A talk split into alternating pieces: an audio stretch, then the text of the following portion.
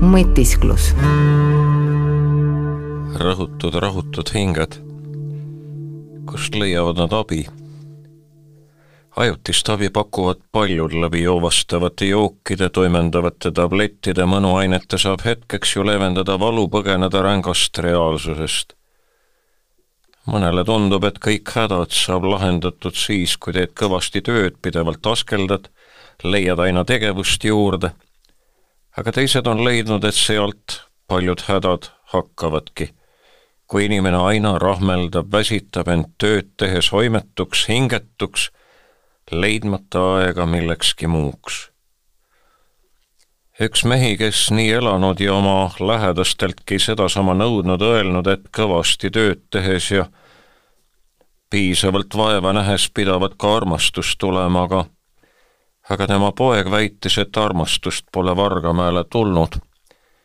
kangus tuli, tuli silmade sulgemine ligimese vaevade ees, tuli naabrimehe vihkamine piiblitki loeti seal selleks, et sealt oma tõde otsida. andeks ei palutud kunagi. siis, kui Graet Andresele mehe poolt nii oodatud poja oli ära sünnitanud ja ütles, et nüüd ta ise sureb, läheb Andres ühe suure kivi juurde, et olla seal oma jumalaga kahekesi. ja siis tuleb välja, et ta on tegelikult kogu aeg märganud, et ta on oma naise elu raskeks muutnud ja nüüd ta palub, et Jumal võtaks selle poja ja teeks ta tütreks ja kõik järgmisedki poisid teeks tütreks. nüüd ta palub. Aga usu Jumalasse kaotab see mees siis, kui ta on oma noorema poja nii kangeks kasvatanud, et see ennast peksta ei lase, laseb maha lasta. peale seda kaob ka vana Andrese usk. Andres on vist näide Eesti mehest, kes on kange kes mitte kunagi andeks ei palu ja kui ta peaks piiblit lugema, siis vaid selleks, et endale sealt õigustust otsida. hing. Hing võib muutuda haigeks, kui taipame, et oleme jäänud kellelegi võlgu. võlgu aega, armastust, häid ja tunnustavaid sõnu. süütunne teeb hinge haigeks. ühelt surijalt küsiti kord, kas tal on ka hirm ta vastas, mul on häbi. hingele teeb head, kui oskame kasutada seitset sõna. anna mulle andeks. Ja siis need vastuöeldavad sõnad. ma annan sulle andeks. andeks saab paluda elavatelt, kuid ka lahkunutelt on võimalik paluda andeks. kindlasti on Lähed hingede ajal hauale, ajad juttu, palud andeks. või palud läbi palvete andeks, läbi looja. Hinge eest tuleb hoolt kanda, sest kui seda ei tee, maksab see kurjasti kätte. pühakiri ütleb, et me oleme Jumala looming.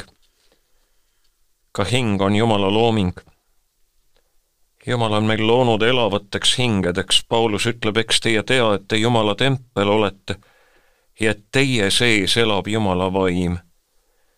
me oleme elavad hinged ja meie kehad on Jumala vaimu templid.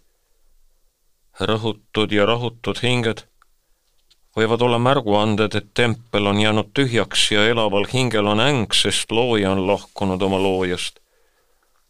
hingerahu saab meile anda vaid tema kes on meile hinge andnud.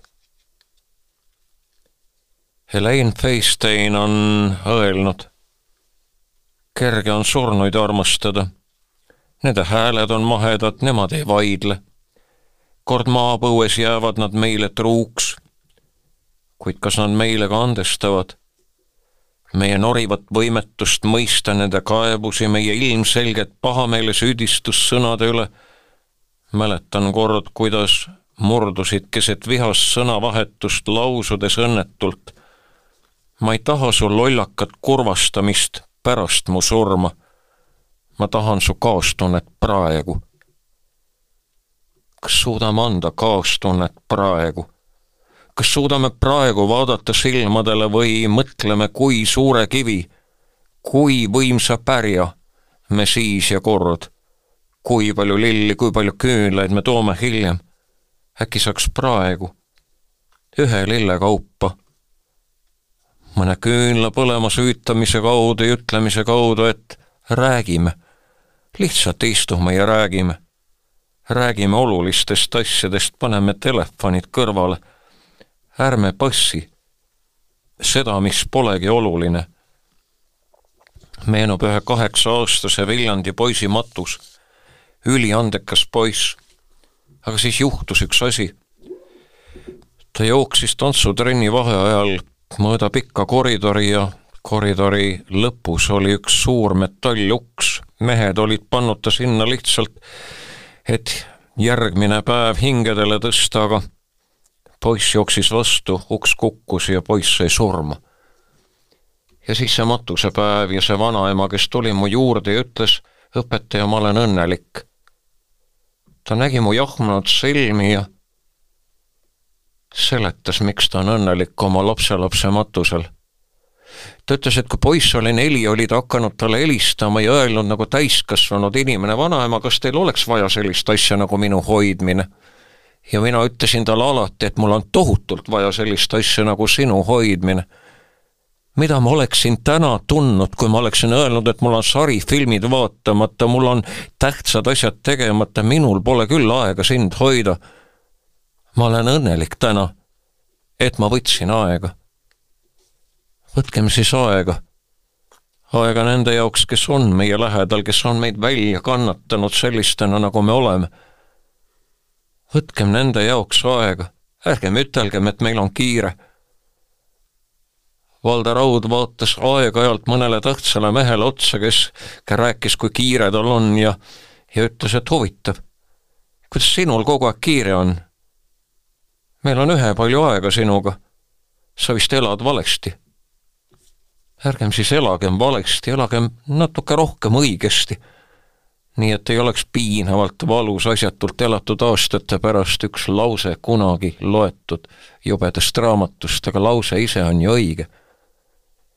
ilusat hingede aega, hingestatud aega, avatud silmadega elamise aega, haudade kordategemise aega,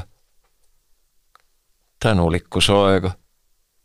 Oi kui õnnelikud me oleme, kui me mõistame meenutada kõike seda imelist ja head, mida on andnud meile need, kes on meie kõrvalt läinud, sest nende aeg sai siin otsa. aga seal on aega ju küll. ja tänulikud neile, kes on meie kõrval